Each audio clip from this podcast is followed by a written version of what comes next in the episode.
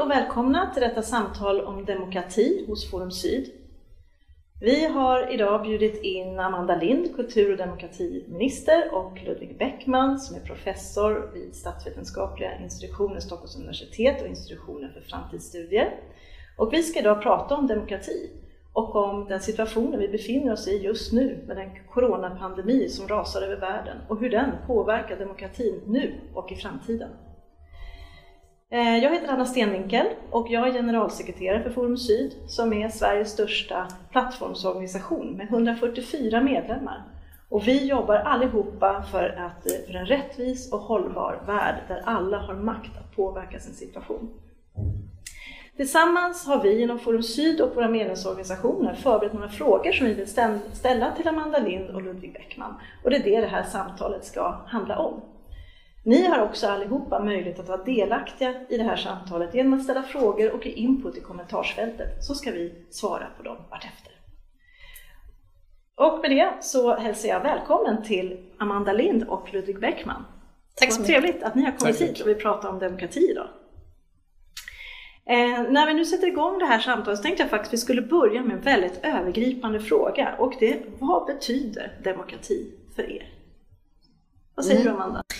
Ja, men först, demokrati det är verkligen en av de allra vackraste saker vi har, skulle jag säga, i Sverige och också i många andra länder. Att, att varje människa har samma rätt att göra sin röst hörd och att påverka. Det är någonstans den yttersta eh, betydelsen och det, det är väldigt starkt.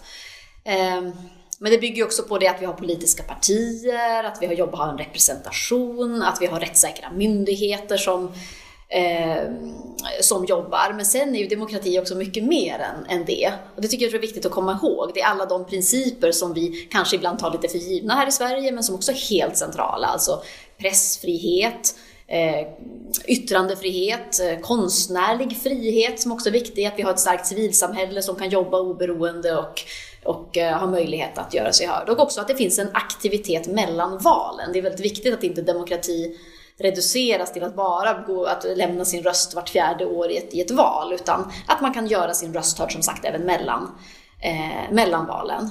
Och här blir det också men här tycker jag det är väldigt viktigt också att demokrati inte reduceras heller till ett antal politiker som, eh, som gör det här, utan att alla på olika sätt måste vara delaktiga. Eh, dels genom att gå med i partier och att det ska vara eh, liksom, lätt att ta, ta sig in den vägen. Men också som sagt med ett levande civilsamhälle, opinionsbildare, pressfrihet och, och liknande. Och att, att demokratin, den här lite slitna klyschan men som jag tycker är väldigt sann och som vi också faktiskt påminns om under coronatider nu, eh, att det inte är något vi kan ta för givet utan faktiskt måste erövra varje generation och, och varje dag tillsammans. Verkligen spännande. Vi kommer återkomma till flera av de sakerna som, som du berörde här i din inledning. Vad säger du Ludvig, vad är demokrati för dig? Ja, alltså, Amanda jag träffar, tycker jag har helt rätt här. Det, man, man, kan sammanfatta det kanske som jämlika och, eh, och, inkluderande möjligheter till inflytande. Alltså det är både jämlikt fördelad rätten att, eller möjligheten att ha inflytande och att det är inkluderande så att alla är med. Men sen är det klart att man kan också skilja på den politiska demokratin som ju handlar om makten över ett styrelseskick, hur vi utövar makt över de som fattar politiska beslut och demokrati i andra områden. Man kan ha demokrati inom civilsamhället, man kan ha demokrati på arbetsplatser eller i andra organisationer. Och då handlar det inte längre om så att säga, de här rättigheterna som vi pratar om, utan då handlar det om eh, pressfrihet och så, utan då, då är det ju någonting annat som vi menar. Sen så en tredje sak som jag skulle vilja lyfta fram ändå också, det är att demokrati är ju ett ideal. Mm. Eh, när vi säger att vi har demokrati i Sverige så menar vi ju att vi approximerar demokrati, vi vill ha demokrati, vi försöker ha demokrati. Men i själva verket så är det demokratins ideal oerhört krävande. Och det finns inget land i världen någonsin som har fullständigt förverkligat demokratin. Det finns alltid möjlighet att göra möjligheterna mer jämlika och mer inkluderande och att på ett bättre sätt få människor att delta i, och, i de gemensamma besluten. Mm. Det är väldigt spännande. Jag tänker någonstans att demokratin borde för er båda två också vara någonting som ligger väldigt varmt om hjärtat med tanke på att du är demokratiminister och du jobbar med och forskar på demokrati så det blir någonstans också en stark drivkraft, tänker jag, i den här visionen som ni båda pratar om, eller hur? Verkligen, det är också ett strävansarbete hela ja. tiden. Just det här den levande demokratin. Att det är ju, jag menar, vi ser ju det att det är ganska stora grupper som står väldigt långt ifrån eh, demokratin. Dels att man inte går och röstar men också att man inte eh, känner att man kan göra sin röst hörd mellan valen. Så det är precis som du beskriver, det är ju ett, det är ett hårt arbete. Och det här är ju spännande då, om man tittar då på demokratin som vi har nu och hur det ser ut framöver. Vad skulle ni säga, var är vi om tio år och hur ser demokratin ut då? Vågar du dig på en liten framtidsspaning här, Amanda? Nej men så här, det, är ju väldigt, eh, det är väldigt svårt att säga med tanke på om man bara tittar tillbaka en 10-20 år bak i tiden ändå hur mycket som har förändrats. Först hade vi en våg då allt fler länder eh, gick åt det demokratiska hållet och vi kunde se en väldigt positiv utveckling. Nu är vi snarare inne i en stagnation eller till och med en tillbakagång för demokratin om vi tittar, eh, om vi tittar globalt. Och där är det ju vi säga, tidigare kanske demokratin sattes ur spel genom våldsamma maktövertaganden eller statskupper eller liknande. Nu är det ju mer de här små eh, steg, små beslut, makthavare som överträder de här principerna. Det kan handla om att begränsa civilsamhället eller mediers förutsättningar eller på olika sätt eh, inskärper demokratin eh, så att den blir mer avgränsad, även om det inte alltid går att, går att ta på de stora stegen. Mm. Jag vill ju ändå se att demokratin i Sverige står, står relativt starkt vi haft ett, ett ökat valdeltagande, flera val i rad och det finns i grunden en bred ändå uppslutning bakom de här eh, principerna för demokratin. Mm. Eh, så jag väljer ändå att vara positiv där och kanske att den kris som vi är inne i nu också sätter ljuset på de här frågorna, att vi inte ska slås till ro som sagt. Vi har ju också ett väldigt bra tillfälle nu när Sverige firar 100 år av demokrati att faktiskt uppmärksamma det här, att både visa på liksom, vikten av att fortsätta jobba med de här frågorna eh, och att kunna ta ytterligare kliv i opinionsbildning och kunskapshöjande insatser. Verkligen. Och hur ser det då ut när vi firar 110 år, Ludvig? Vad tror du? Ja, alltså, det, det, är precis som Anna säger att det, har, det, finns ju en trend just nu av autokratisering, som man säger, autokrati, alltså när man, motsatsen till demokrati, att antalet länder som inte styrs demokratiskt och som styrs av enväldiga ledare eller har, som har val bara för syns skull, de antalet länderna har ju ökat under de senaste åren. Så skulle man dra ut så att säga, trenden framåt så ser det ju inte så positivt ut. Mm. Eh, Samtidigt så finns det ju också andra saker som ligger bakom det här och som har påverkat demokratin också i Sverige och i hela västvärlden och i hela världen de senaste åren. Och det är den här misstron mot eh, det politiska beslutsfattandet. Eh, allt det här som kallas för fake news eller mm. faktaresistens också när man, en fragmentering av kunskap och att man inte längre tror och har tillit till myndigheter och så vidare. Och den där trenden tänker, den har också varit väldigt stark de senaste åren. Samtidigt, nu befinner vi oss mitt i början på, eller mitt i den här coronakrisen. Mm. Och det är möjligt att det här är ett vägskäl. Det vet vi ju inte ännu, det får vi ju se om ett par år. Men det intressanta är hur vissa av de här krafterna ändå har, de här negativa krafterna har försvagats tycker jag, mm. under coronakrisen. Det är inte längre lika kan intressant. Kan du ge något exempel på det? Då? Jag tycker ändå att det, nu, nu är vi intresserade av vad vet vi? Mm. Vad vet vi om den här smitt, smittan? Vad, hur, vilka åtgärder fungerar? Vilka fungerar inte? Det är inte längre gångbart att hålla på och sprida eh, myter eller snacka massa tomt prat mm. om det här. Nu vill vi ha, nu, nu lyssnar vi på forskarna, nu lyssnar vi på, på de som vi tror vet någonting om det här. Jag uppfattar det ändå som att det finns en viss eh, nu ökad eh, efterfrågan på, på ja, kunskap helt enkelt. Mm. Och jag tror att det är möjligen någonting positivt för framtiden också och för demokratin. Det där är någonting verkligen viktigt att, att, ha med sig, tänker jag också, de positiva sakerna som faktiskt sker i den här ganska Eh, jobbiga situationer vi befinner oss i där vi ser så mycket negativt, att också se lite grann vad kan komma. Vi tar med oss det här, det är ju väldigt bra saker att tänka på framöver. Någonting som du nämnde inledningsvis också Amanda, det var ju det med civilsamhället och hur viktigt det är med ett starkt civilsamhälle för att man ska ha en fungerande demokrati. Och här ser vi ju, och vi får ju rapporter från våra samarbetspartner och så vidare, att det inte är så säkert för ett antal civilsamhällesorganisationer. Och hur kan man, på vilket sätt kan regeringar jobba för att se till att vi har ett fortsatt starkt civilsamhälle? För det här är något som är viktigt för en demokrati som sådan. Men vad, vad ska du säga, vad, vad är ditt ansvar där som demokratiminister och hur kan du driva på?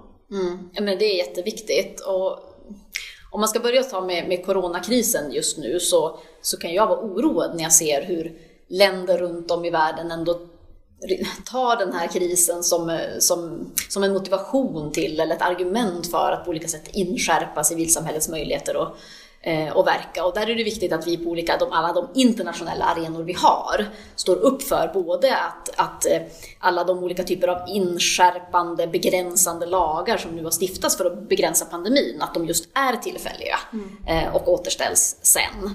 Ehm, sen ger vi också ett antal olika typer av stöd genom till exempel Drive for Democracy som vi ju har. Vi har ju biståndsarbetet som också fokuserar från svensk sida eh, bland annat på eh, att stärka civilsamhället. Mm.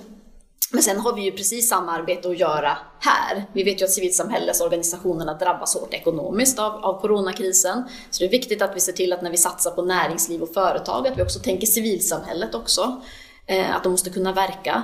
Finns det några sådana diskussioner i regeringen nu? Absolut, och jag har ju ganska mycket samtal också, haft flera olika typer av samtal och dialoger med civilsamhället för att eh, se, både lyssna, vilka behov har man? Mm. Många vill ju hjälpa till att göra saker. Mm. Inte minst de som jobbar primärt med utsatta grupper eller äldre isolerade till exempel. Men det handlar ju också om att civilsamhällets roll som röstbärare inte får stanna av. Exakt. Och där tycker jag det är viktigt att vi fortsätter men, ha de här diskussionerna, vi har webbinarier istället för seminarier, att inte den här offentliga debatten mm. eh, stannar av. Men det är ju här och nu, sen finns det ju jättemycket vi måste också fortsätta jobba med på sikt. Jag tycker till exempel att hot och hatarbetet är en sån sak som är akut. Jag sa tidigare att så här, svensk demokrati står starkt, samtidigt så har vi också flera utmaningar och vi har pekat ut från från regeringens sida, men dels hot och hat som en sån reell utmaning faktiskt. Risk för självcensur och det där hör jag från både civilsamhället och eh, ungdomsrörelsen till exempel som känner sig rätt kraftfullt ansatta mm. mm. här. Och där finns det ju många konkreta saker vi behöver fortsätta göra. Mm. Och stå upp för vill jag säga.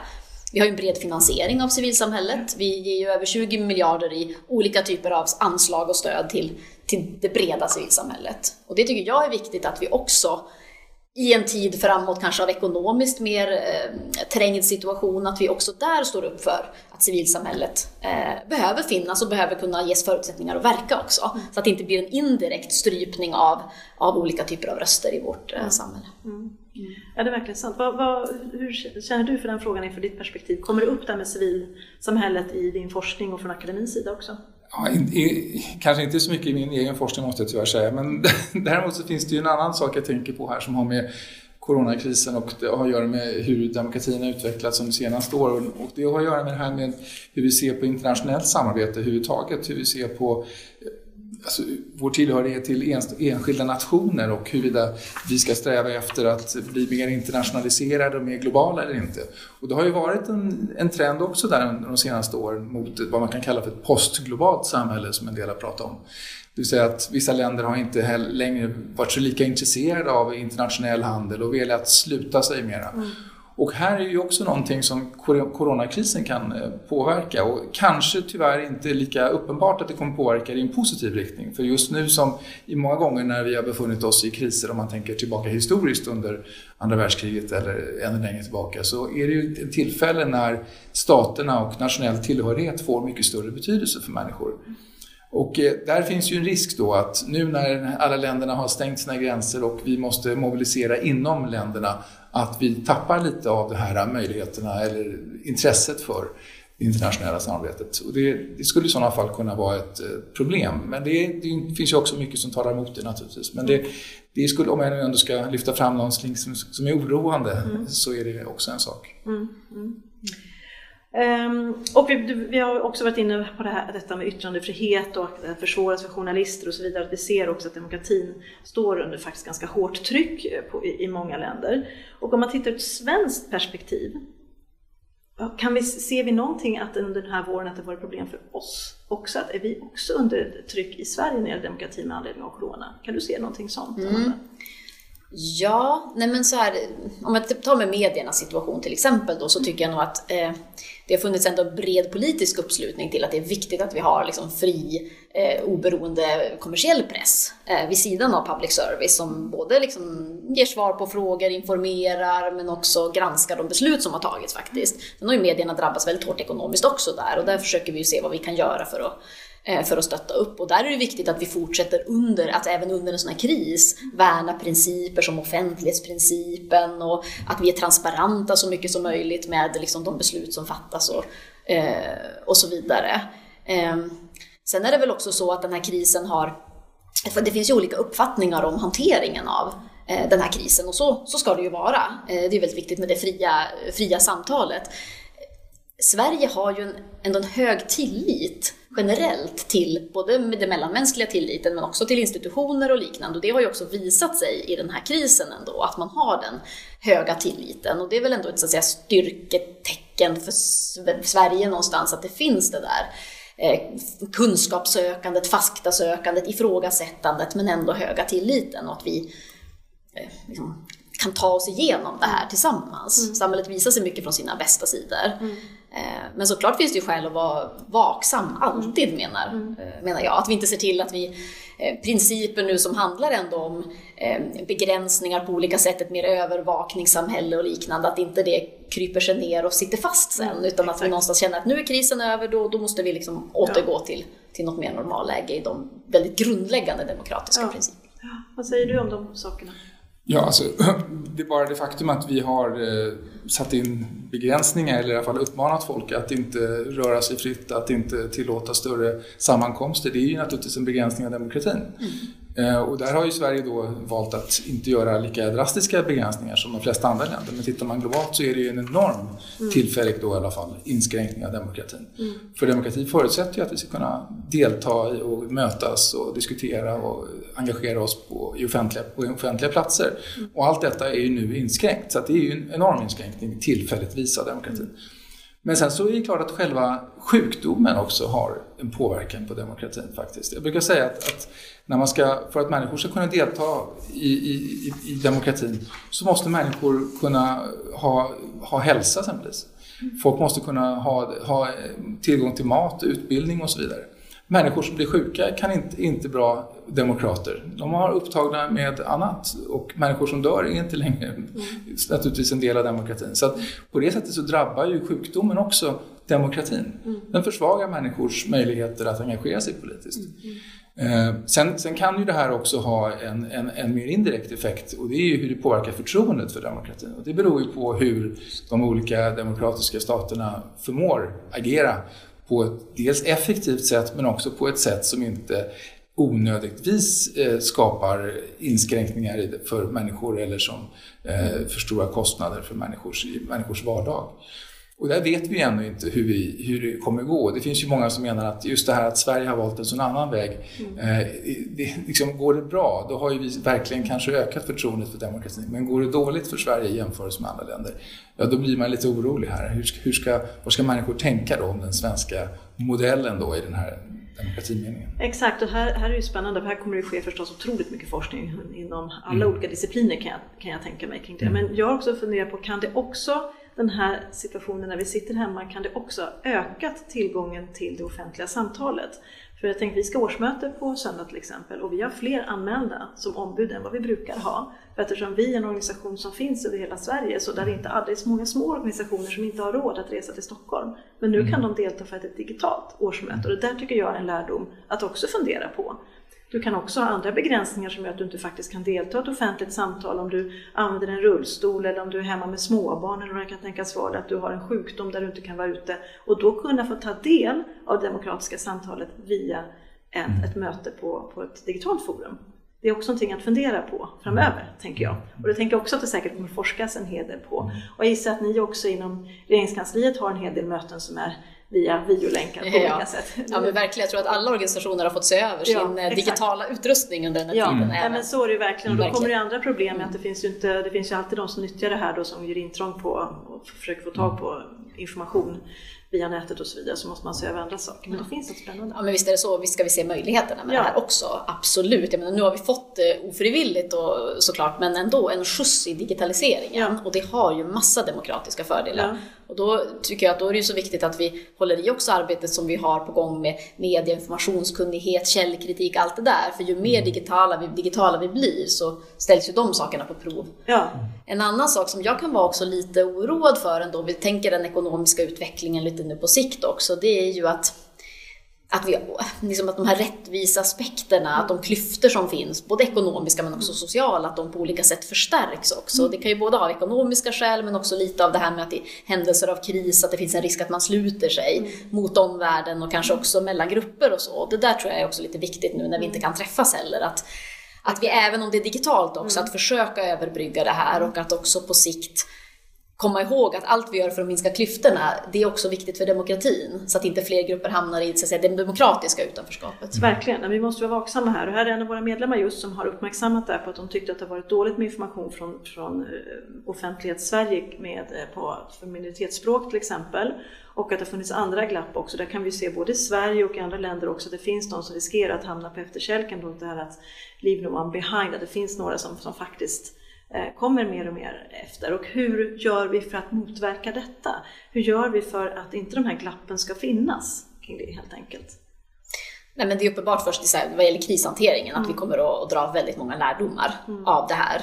Eh, just det här med kritik om eh, information på minoritetsspråk, det var mm. något som jag vet att myndigheterna försökte åtgärda från olika mm. håll, men, men det är klart att här måste vi vara bättre mm. från början, mm. helt uppenbart. Um, Nej, men och sen tror jag väl att det är en möjlighet för oss nu när vi har demokratin 100 år, att vi har sjösatt lite olika, redan nu, projekt som kommer att jag menar, bli än viktigare mm. med corona nu. Mm. Vi har gett ett 20-tal myndigheter uppdrag att jobba just med deltagandet i demokratin mellan valen och det är ju det här handfasta ja. liksom, demokratiarbetet som handlar om inkludering mm. oavsett vem du Eh, vem du är och också ett särskilt stöd riktat till civilsamhällesorganisationer som ska kunna söka för olika typer av projekt. Och det här tror jag jättemycket på är väldigt, mm. väldigt viktigt. Mm. Eh, och där tänker jag också att, att fylla på det för att jag tycker att vi från civilsamhället har också ett ansvar att ta de här frågorna och också se vår del i det här med demokratin. Att vår del att tala om vad som behöver åtgärdas. Vår del kring att resultatkommunicera vad vi faktiskt åstadkommer för många viktiga saker och också att vi är en del i demokratin. Och det tycker jag är någonting som man också måste ta med sig, att vi ser att vi är olika aktörer, vi är olika pusselbitar i det här stora spelet. Men jag tänker på det här du nämner om att hur nya arbetsformer skulle kunna också ha positiva konsekvenser långsiktigt sett för hur vi och därmed blir mer öppna och inkluderande. Bara ta ett exempel från akademin som ju kan uppfattas som ganska ja, långt bort från vardagen för många antar jag, men som faktiskt vi har börjat tillämpa nu. Det är när vi har disputationer, alltså när doktorsavhandlingar ska presenteras och då är det ju en disputation med närmaste forskarna och familj och så vidare i ett rum. Och det är ju normalt sett en tillställning som kanske inte vem som helst känner sig särskilt lockad eller inbjuden att gå till och det också måste vara fysiskt på plats. De har vi nu börjat göra digitalt mm. och då är den här länken plötsligt tillgänglig för alla. Så plötsligt så föreställer jag mig hur vi skulle kunna vara hundratals eller till och med tusentals åskådare vid de här disputationerna och hur de här tillställningarna plötsligt skulle kunna för någonsin bli publika i en, i en, i en verklig mening. Mm. Och om det är någonting som vi kommer fortsätta med efteråt så är det en otrolig intressant, tycker jag, utveckling. Verkligen, apropå att öppna upp, eller hur? Mm. För det är ju mm. verkligen slutet och folk kanske också kan förstå då vad en disputation är, för bara ordet är ju lite knepigt, ja, eller hur? Ja, att hänga med. Hörrni, vi ska få höra en, en videoinspelad fråga från en av våra medlemmar som heter Fian, så att vi lyssnar på filmen här nu som kommer alldeles här. Hej kära kultur och demokratiministern! Här kommer en fråga från Fian Sverige och Treaty Alliance Sverige.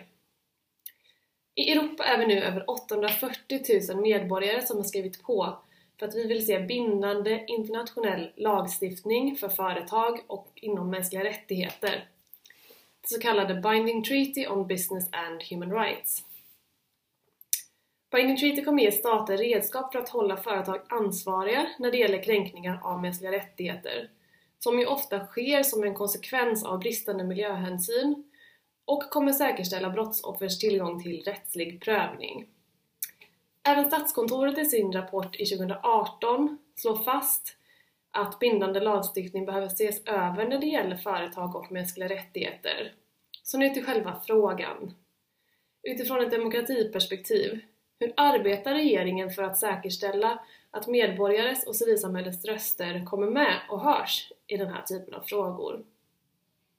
Yes, det var mm. en, en inledning och en ganska lång fråga. Vad har du för kommentar på det, Amanda? Jo, men att att regeringen jobbar ju generellt att försöka involvera civilsamhället i olika typer av beslutsprocesser och just i de här frågeområdet så har regeringen tagit fram en plattform för internationellt hållbart företagande och där vet jag att civilsamhällesorganisationer bjöds in att vara en del i processen, både för att komma med inspel men också för att ta del av så att säga, resultatet. Mm. Eh, och det har också, jag menar 30 januari i år så höll Eh, Anna Hallberg som är utrikeshandelsminister ett särskilt informationstillfälle just för den här plattformen och bjöd då in olika typer av svenska aktörer inklusive representanter från, eh, från civilsamhället. Och det där, jag tror att det, det arbetssättet är väldigt viktigt att vi håller i så att säga, oavsett vilken fråga det eh, fråga det handlar om. Och så vet jag också att fler referensgruppsmöten kommer att hållas inom det här området företagande och mänskliga rättigheter. Och här tror jag att civilsamhällesorganisationerna kan bidra med ganska unika perspektiv här och också som har tentaklerna ut och också kan bidra med oerhört mycket värdefull information vill jag säga. Det är ju, det är ju verkligen en kompetens som man bidrar till, till oss. Tack. Har du någon kommentar på det? Alltså jag har en reflektion bara kring det här förhållandet mellan mänskliga rättigheter och demokrati. Det, mm. det, är ju självklart att grundläggande mänskliga rättigheter är en förutsättning för demokrati, att man mm. har rätt till liv och att man har yttrandefrihet och så vidare. Och det är också så att många demokratiska rättigheter är en del av mänskliga rättigheter. Men det finns ju också en, en slags lockelse att, så att säga, vilja ha allting ska vara rättigheter. Att, liksom att vi ska bygga in och e- expandera rättighetskatalogerna. Och det är ofta saker som vi tycker är viktiga, som miljöfrågor. Vi vill att se miljöfrågor som mänskliga rättigheter. Mm. Och det är ju naturligtvis något viktigt och bra om vi vill värna miljön. Mm. Men det är inte automatiskt samma sak som att göra det mer demokratiskt skulle jag vilja säga. Utan mm. alltså, ju fler saker vi också bygger in i de här rättighetskatalogerna och därmed binder stater vid, desto mindre handlingsutrymme får ju också de politiska demokratierna. Så du menar att det nästan skulle kunna vara kontraproduktivt? Ja, det, får, det, det får man ute efter skulle jag säga. Mm. Jag tycker bara att det är värt att komma ihåg Intressant. det. Att, mm. det, bara för att vi gör någonting till en bindande rättighet så betyder mm. inte det att demokratin ökar. Mm. Det är någonting annat som kanske ökar. Det är vi, vi värnar ett intresse som är väldigt viktigt för oss. Och det är, kanske, och det är därför vi också vill binda demokratin mm. många gånger. Vi vill inte att, länder ska göra som de vill. Mm. Så vi vill ju kanske inte ha helt oinskränkta demokratier utan vi vill ha mm. liksom, reglerade demokratier. Men det finns ju också en potentiell konflikt där. Och jag vet att det var någon som sa, jag tror faktiskt det var Göran Greider som en gång sa att på 80-talet så ropade alla mera demokrati men på 90-talet så ropade alla mera rättigheter. Mm. Att det är också en förskjutning i vad vi liksom, i, i vårt språk, vilken typ av begrepp som har en dragningskraft på mm. oss. Och att idag är det nästan mera rättigheter än demokrati som vi mm. pratar om. Men det... det är spännande och där vi pratar inom Forum Syd, när vi pratar om att vi stärker ju våra olika, de personer som vi vänder oss till, kvinnorna i Kenya till exempel, att de ska få stärkta rättigheter mm. för att kunna vara med och verka för mm. demokrati. Och så är det ofta naturligtvis. Och så är det ofta naturligtvis, men det är klart att det finns de här delarna mm. också, att om man, om man lagstiftar eller man binder upp så är det klart att det kan bli inskränkningar. Mm. Eh, intressant att, att eh, mm. filosofera lite vidare om kanske, mm. eller hur, kring de sakerna. Um, Okej, okay, tack för det hörni. Vi har, vi har en sista fråga, den kommer faktiskt från oss på, på Forum Syd och det gäller just faktiskt Kenya där vi har ett program där vi har eh, är faktiskt en unik mix av de som jobbar med kultur, kulturutövare och riktigt vassa jämställdhets och jämlikhetsorganisationer.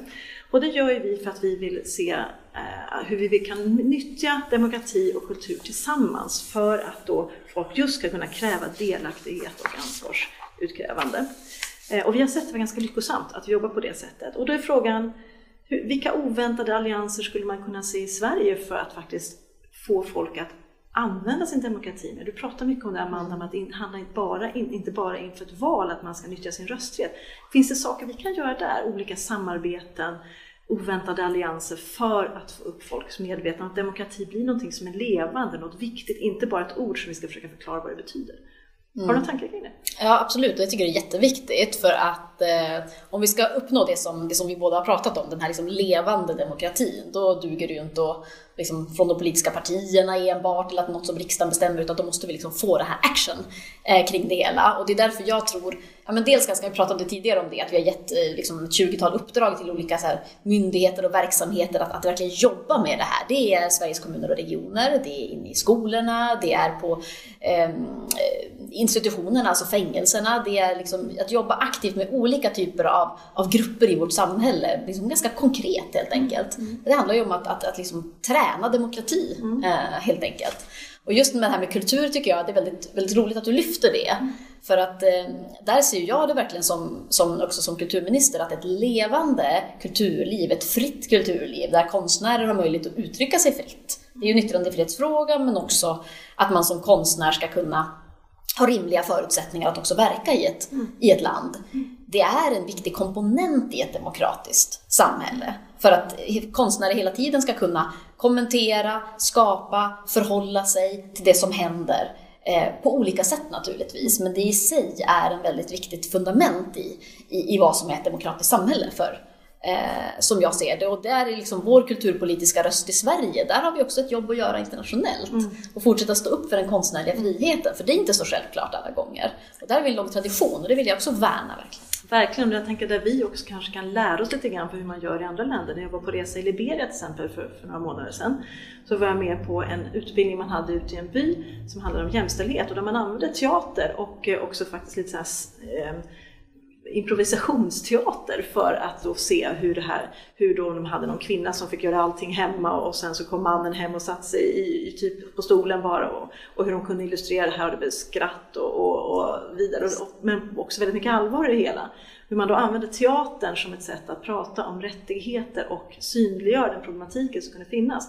Och där kan jag tänka att där finns det nog en hel del som vi också kan ta med oss och lära, eller hur? Apropå att gifta ihop kultur och demokrati. Ja, och absolut. Och, och jag tänker så här, många av de saker som vi jobbar med, ta barnkultur till exempel, mm. eh, där ju vi har sedan länge jobbat med kultur för barn och mm. se barnen som ett unikt subjekt och att barnkultur mm. är en konstform i sig. Det är mm. inte bara att göra någonting utan, utan det kräver väldigt mycket. Och där kunde man se att de kulturaktörer som är runt om i världen kan ju liksom verkligen sprida mm. indirekt ja. barnens rättigheter som ju för oss är väldigt självklart i Sverige mm. också. Så det mm. finns ju många sådana typer av indirekta effekter förutom det rent direkta i att kultur i sig är en viktig demokrati, mm. det finns demokratifundament. Mm. mm. Verkligen. Har, har, du stött på någonting sånt Ludvig i ditt arbete kring det här? Nej men jag tänker att om syftet är att eh, skapa allianser med andra aktörer för att eh, aktivera människor eller involvera människor och få en, göra demokratin mer levande så gäller det också att tänka strategiskt. Vilka grupper är det som vi vill nå? Och då är det grupper naturligtvis, tänker man sig i första hand, som är de som inte deltar så mycket i demokratin eller där som kanske deltar men där förtroendet ändå är lågt mm. för demokratin. Och eh, hur ska man, och då, vilka grupper är det i samhället? Då får man börja där och då tänker jag att det, det, det är klart att det är människor som ofta har en, som är förfördelade i andra avseenden eller som befinner sig i någon position, kanske arbetslösa eller som har utländsk bakgrund eller mm. män på glesbygden tänker jag på också. Mm. Eh, och då tänker jag också på att det finns ju kanske vi också andra typer av organisationer och sammanhang som vi inte vanligen ser som bärare av demokratins idéer. Det kanske är idrottsföreningar, det kanske är musik och eh, ja, rockgrupper, mm. låter jag som jag är född på 1800-talet. Men, men den, den, typen av eh, andra typer av organisationer och sammanhang där människorna, där de befinner sig, som inte, som inte är kanske i, på biblioteken eller som kanske inte går på eh, de samma, de, de, de, ja, i de ställen där vi kanske normalt når människor. Mm. Det finns ju, jag menar, man hade, jag vet att i USA hade man för 10-15 år sedan, Rock the Vote hade man mm. ett, stor, ett sätt att försöka aktivera ungdomar inför valen och så. Mm. Det är nu mm. USA är väldigt speciella när det gäller val, de måste ju registreras och sådana ja, Precis, det, så det är kanske inte så aktuellt här. Men jag vet att man har haft experiment även i Sverige. Man hade festivaler och sånt där som man ja. Eh, sponsrade med mm. demokratipolitiken och så yeah. Men det, jag vet inte hur. Ja. Mm. Nej men det finns mycket att göra här. Jag tänker också på hur mycket, jag fastnade lite grann på det som du sa inledningsvis, att det handlar inte bara om när det är valår utan att vi behöver mm. jobba med den här frågan hela tiden. Mm. Att det är ingenting som vi kan slå oss till ro med. Vi kan inte ta den för givet. Vi har ett starkt demokratibegrepp i Sverige och en medvetenhet men det är någonting som kräver ett aktivt jobb från oss allihopa av olika roller, eller hur? Verkligen. Så är det ju. Men hörni, vad spännande! Det är otroligt eh, kul att få höra olika reflektioner kring den här frågan och stort tack för att ni har kommit hit idag till Forum Syd och pratat om de här frågorna. Eh, jag tänker mig att vi säkert har en, en eh, uppföljning på det här vid, vid tillfälle och kollar lite grann hur gick det nu då? Hur har vi jobbat i våra respektive roller mm. med demokratifrågan? För att vi har ju viktiga roller alla tre på olika sätt. Jag som representant för civilsamhället och Amanda som för regeringen och du Ludvig för akademin. Och här måste vi fortsätta, vi måste vara enträgna och envetna och varje dag gå till jobbet med känslan av att vi ska vara med och uppfylla den här visionen som ju du så klokt sa att faktiskt demokrati är, eller hur? Så tusen tack för att ni kom till oss idag och pratade om de här sakerna.